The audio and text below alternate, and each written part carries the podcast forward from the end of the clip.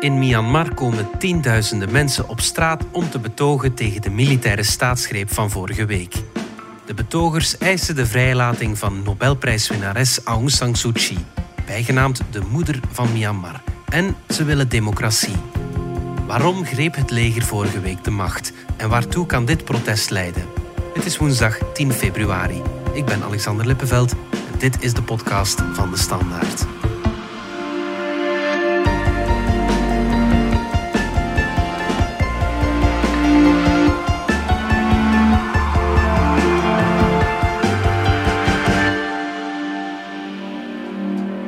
Giselle Nat van onze buitenlandredactie. Normaal was maandag 1 februari het nieuwe parlement van Myanmar, dat verkozen is in november, voor het eerst samengekomen. Maar dat feestje ging niet door, hè? Ja, in de plaats daarvan zagen we iets heel anders, want het leger greep de macht.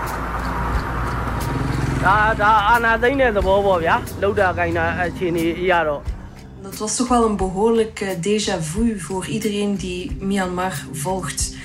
In november van vorig jaar nog maar had uh, Myanmar zijn tweede min of meer vrije verkiezing ooit gehouden. Het was uitgedraaid op een uh, groot succes voor de partij van Aung San Suu Kyi, die op dat moment de burgerlijke leider van Myanmar was.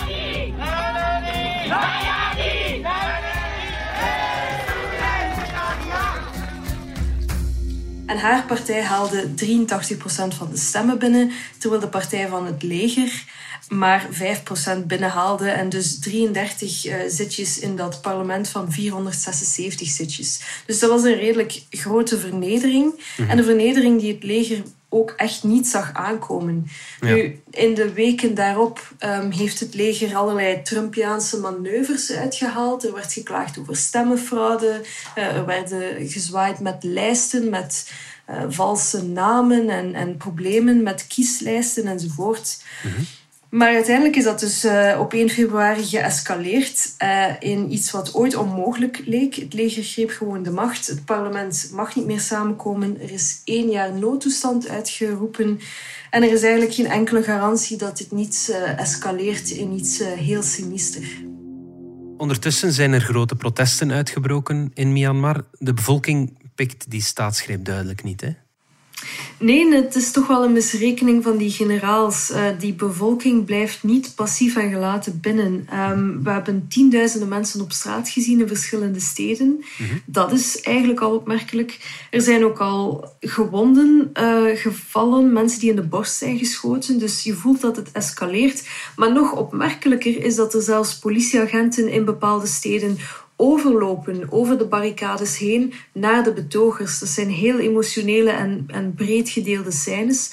En dat geeft toch wel aan um, dat, dat de, de, stemming helemaal gekanteld is. Ja. De betogers eisen de vrijlating van Aung San Suu Kyi, hun leider. Uh, mensen willen echt die democratisch verkozen regering terug. Ze Mhm. zijn heel trots op die verkiezing. En ze pikken het niet dat het leger um, daar nu tegenin gaat.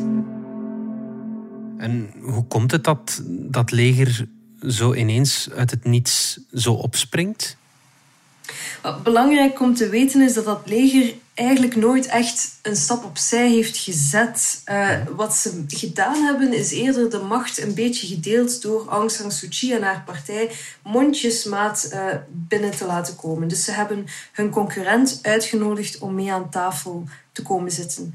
Het ja. gezegde in Myanmar is uh, Aung San Suu Kyi is de moeder van de natie, maar het leger is eigenlijk de vader. Ja. In 2011 heeft het leger zelf gezegd van we willen hervormen, we, we geven zelf wat ruimte voor verkiezingen. Mhm.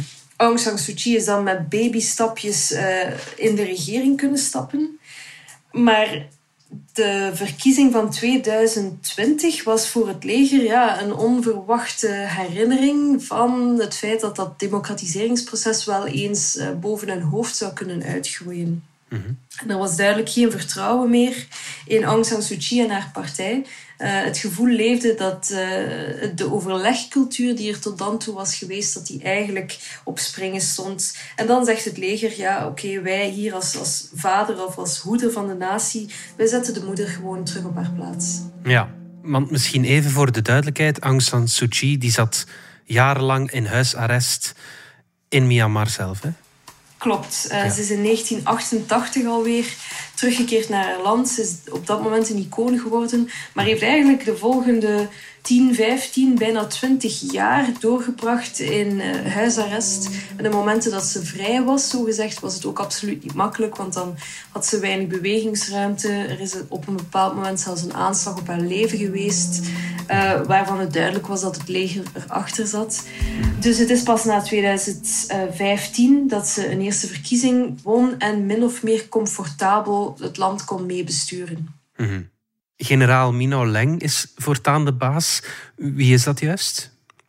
Dat is de man die nog door de vorige dictator met de hand is eh, uitgekozen en, en klaargestoomd. Dus de topfiguur van het leger. Mhm. Nu, die man moest eigenlijk volgend jaar op pensioen. Dan is hij 65 en zou hij vervangen worden mhm. in het leger. Maar naar het schijnt had hij de hoop dat hij dankzij de verkiezingen een nieuw elan zou krijgen en mogelijk zelfs als president zou kunnen plaatsnemen naast Aung San Suu Kyi, waardoor dus zijn uh, macht in het leger een publiek verlengstuk uh, zou krijgen. Maar dat is dus helemaal niet gebeurd, uh, dankzij die vernederende verkiezingsuitslag van november 2020. Ja. Mino Leng heeft al een aantal sancties tegen hem, onder andere het internationaal strafhof, want hij was de bevelhebber um, in de acties de genocidaire acties en campagnes tegen de Rohingya in de afgelopen jaren. Mhm. En voor de rest weten we dat het natuurlijk ook een heel rijk man is. Ehm, het leger heeft in Myanmar allerlei zakelijke belangen.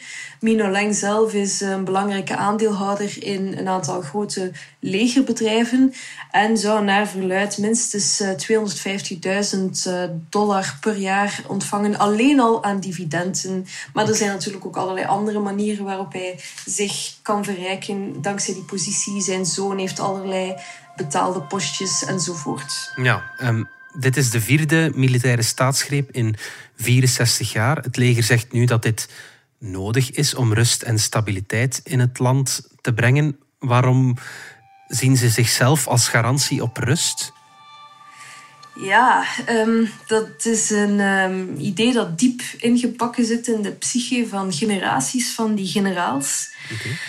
Je ziet dat natuurlijk wel in meer landen, uh, waar het leger uh, na de onafhankelijkheid een heel sterke positie inneemt en die ook behoudt. Maar in Myanmar moet je wel zeggen dat die dekolonisatie rond 1949 dat die bijzonder chaotisch verliep. Dus het land is echt uh, in een totale ruïne achtergelaten door de Britten. Mm -hmm. Zwaar verarmd, allerlei etnisch conflict de allereerste onafhankelijkheidsstrijder of belangrijke politicus van Myanmar, de vader van Aung San Suu Kyi, Aung San zelf, die is uh, een paar maanden na de onafhankelijkheid samen met heel zijn regering vermoord tijdens de allereerste kabinetsvergadering.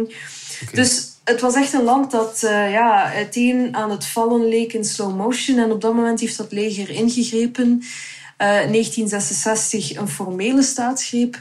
En het, ze zijn eigenlijk altijd de belangrijkste, de best georganiseerde instelling in het land uh, gebleven. Ja. Je kunt wel zeggen dat ze 50 jaar lang bijna alleenheerser zijn geweest in Myanmar. In die tijd hebben ze het land ook uh, geïsoleerd. Dus er was quasi geen enkele invloed van buitenaf. Mm -hmm.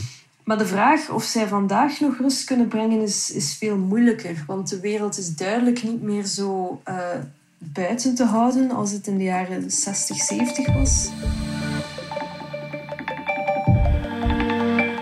We zijn terug na de reclame. Bitcoin, het verhaal van een digitale gold rush. U heeft zeker ook al over de bitcoin horen spreken. Zowat iedereen heeft de mond vol over de enorme waardestijging van deze cryptomunt. In die mate zelfs dat meer dan 5 miljoen Europeanen in 2021 graag in cryptomunten willen beleggen. Wil u meer weten over deze digitale gold rush? Kijk dan op bit4u.io, het eerste Belgische platform voor al wie actief is rond cryptomunten. Aung San Suu Kyi was lang de publiekslieveling, martelares van de democratie. Ze heeft ook een Nobelprijs gekregen. Maar de laatste jaren zagen we ze vooral als gevallen icoon, omdat ze niet opkwam voor die Rohingya-moslims die uh, verdreven werden uit het land. Uh, hebben we het dan al die tijd verkeerd begrepen? Ja, Aung San Suu Kyi kwam de laatste tijd effectief vooral in het nieuws als uh, de Nobelprijswinnares die ontgoochelde. In de jaren 90 uh, was ze echt een icoon van democratie. Zij was uh, zowat uh, de engel die het opnam tegen de duivel, de gemene generaals. Mm um, en iedereen ging ervan uit dat democratie, mensenrechten, dat dat um, ja, haar ultieme uitgangspunt was. Mm -hmm. En dan toen in 2017 er die genocidaire campagne tegen de Rohingya was, waarbij er ook uh, massale verkrachtingen bijvoorbeeld waren, moorden, geen enkele begrip vanuit het regime voor de vluchtelingen die daar in Bangladesh belanden. Ja, dat leek allemaal verschrikkelijk te vloeken natuurlijk met het imago dat in het Westen bestond over Aung San Suu Kyi. Mhm. Ik denk wel dat dat beeld uh, in het Westen iets te eendimensioneel is geweest. Men focuste op haar uh, idealisme, maar men vergat daarbij in welk land Aung San Suu Kyi eigenlijk leefde. Uh, een land met enorme problemen, enorme uitdagingen. Een land dus waar dat leger nog altijd stevig de, de macht voor de helft in handen hield. Maar er zijn dan toch dingen aan de hand die op zijn minst lijken op genocide. Moet ze zich daar dan niet iets meer mee bezighouden? Moet dat niet wat hoger op haar prioriteitenlijstje staan dan? Mensenrechten schendingen zijn natuurlijk absoluut. Je kunt die niet relativeren, die hebben plaatsgevonden. Mhm. Maar Aung San Suu Kyi was natuurlijk bovenal een Myanmarese nationaliste. Wat betekent dat de Rohingya nooit echt op haar prioriteitenlijstje stonden en dat had specifieke historische redenen. Deels zat ze gewoon ook geblokkeerd door het leger, waar ze niet ten volle tegenin kon gaan. En deels had ze natuurlijk ook haar eigen electoraat, haar kiespubliek, dat ook niets van die Rohingya moet hebben. Nu, hoe hm. komt dat? Je had misschien uh, al vermeld dat Myanmar een land is met heel veel verschillende etnische groepen en taalgroepen. Uh, men spreekt over 135 verschillende groepen. Maar die zitten allemaal in een heel strakke, unitaire staat, waarin vooral uh, de boeddhistische Bama-meerderheid de macht heeft. En dat is echt het publiek dat stemt voor Aung San Suu Kyi.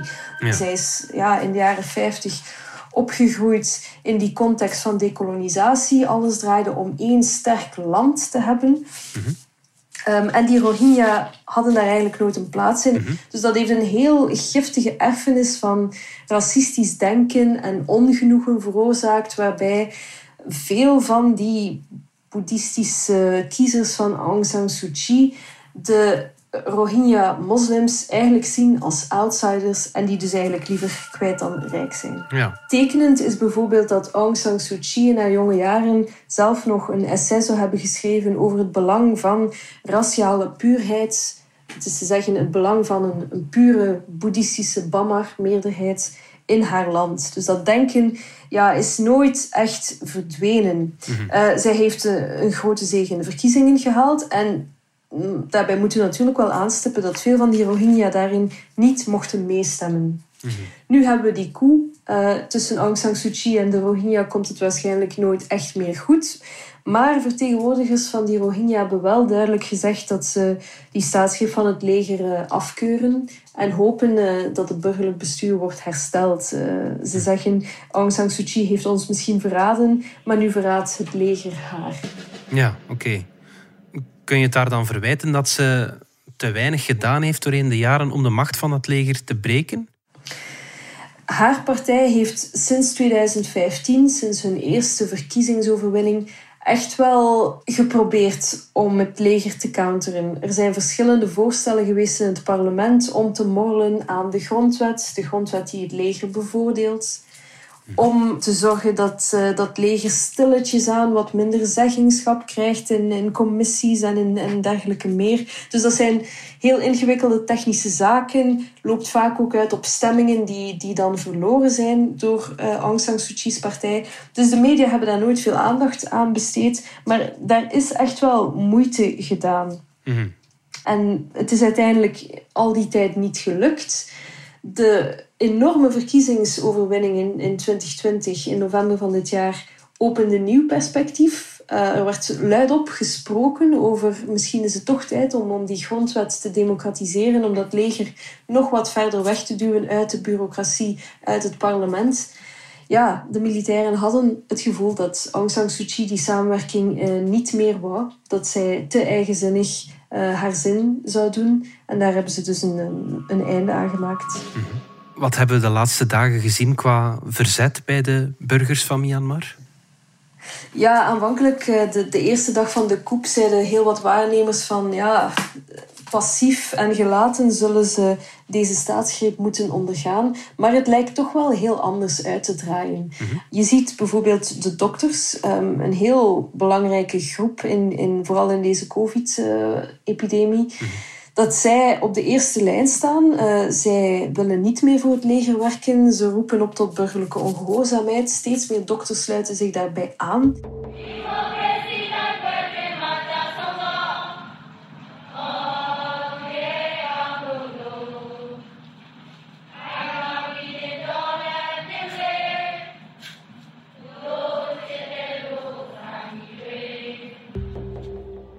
Verder, bij de hele bevolking zijn er allerlei symbolische acties aan de gang. Uh, herinner u het uh, slaan met potten en pannen, uh, het klaksoneren, fluitkoren tegen het leger.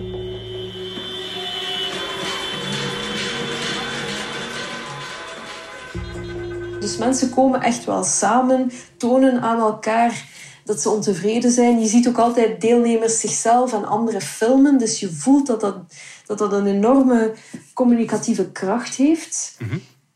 En daarnaast um, hebben de parlementariërs die gewoon de hoofdstad zijn uitgejaagd, uh, zichzelf op een, uh, een braakliggend terreintje uh, ingezworen. Dus je ziet dat er allerlei kernen van verzet en symbolische actie aan het, aan het vormen, aan het aannemen zijn. Steeds meer, steeds verder.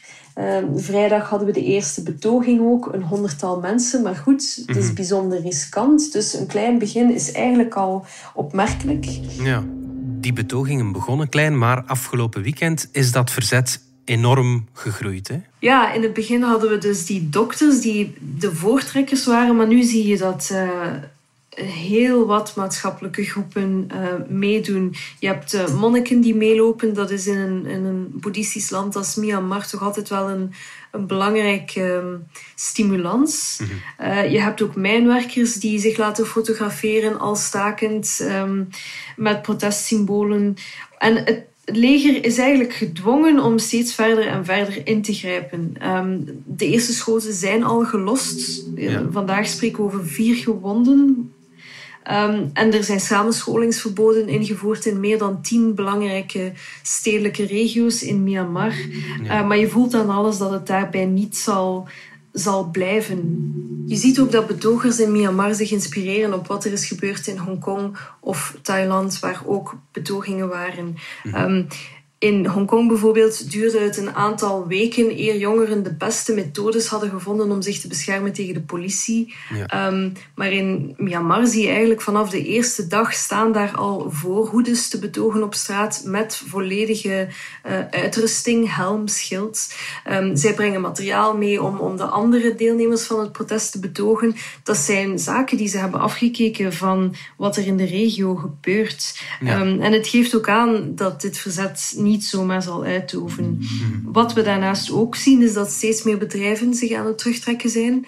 Um, enerzijds is dat pijnlijk voor de, de militaire junta. Anderzijds verhoogt het de woede nog. Want mhm. waar de betogers vooral over stuur over zijn, is dat dit regime hen terug, of die staatsgreep hen terugkatapulteert in de tijd. Mhm. Met name in een tijd waar Myanmar um, absoluut uh, geen groei had, uh, heel weinig investering van buitenaf.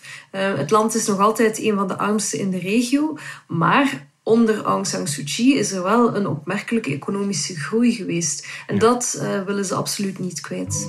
Vooral ook omdat mensen het gevoel hebben dat ze eigenlijk niet veel te verliezen hebben. Ja. Ze zeggen van, we, we zijn zoveel verloren in die jaren van isolement. Economisch staan we nergens. Uh, onze opleiding is ons afgenomen. We zijn al die tijd kwijtgeraakt.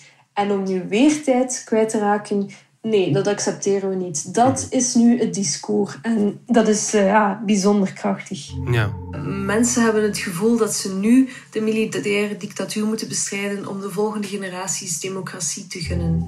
Ja, maar het kan ook helemaal anders uitdraaien. Ja, het is absoluut nog koffiedik kijken. Tegen de tijd dat deze podcast uitgezonden is, kan er eh, nog altijd veel veranderd zijn. Maar er zijn toch een aantal scenario's. Ehm, het eerste is dat dit protest gewoon doorgaat, uh, maanden aan een stuk, uh, waarbij het steeds meer kracht wint.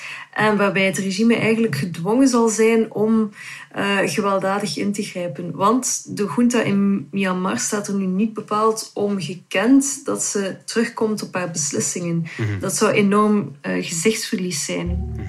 Een andere optie is dat um, de steun voor de generaals afkalft bij de politieagenten en het leger. Denk aan die foto's van uh, politieagenten die door de barricades breken en de betogers knuffelen. Als dat gebeurt, uh, dan is het compleet onvoorspelbaar of uh, het regime van de generaals dit eigenlijk wel nog kan overleven. Ja. ja. Maar er is ook nog een andere optie en dat is dat de generaals wel de macht behouden en dat ze beginnen in te spelen op de etnische verdeeldheid in Myanmar. Um, in zo'n scenario zou je bijvoorbeeld ook de onvrede bij minderheidsgroepen kunnen hebben, die leidt tot geweld of tot bepaalde onverwachte incidenten, waarop het leger dan plots zou kunnen optreden als redder des vaderlands uh, en de, de, de boel weer onder controle brengen. Ja. Um, in het algemeen zie je dat monniken in Myanmar de kant van de betogers lijken te kiezen. Maar er zijn ook een aantal radicale um, monnikenordes die eerder dicht bij het regime staan en die vooral inspelen op die, die etnische polarisering. Dus als daar een soort van coalitie komt, um, opnieuw uh, zitten we met een heel andere situatie. Giselle Nat, dankjewel. Graag gedaan. Dit was de podcast van De Standaard. Bedankt voor het luisteren. Reageren kan via podcast.standaard.be. Alle credits vind je op standaard.be-podcast. Morgen zijn we opnieuw.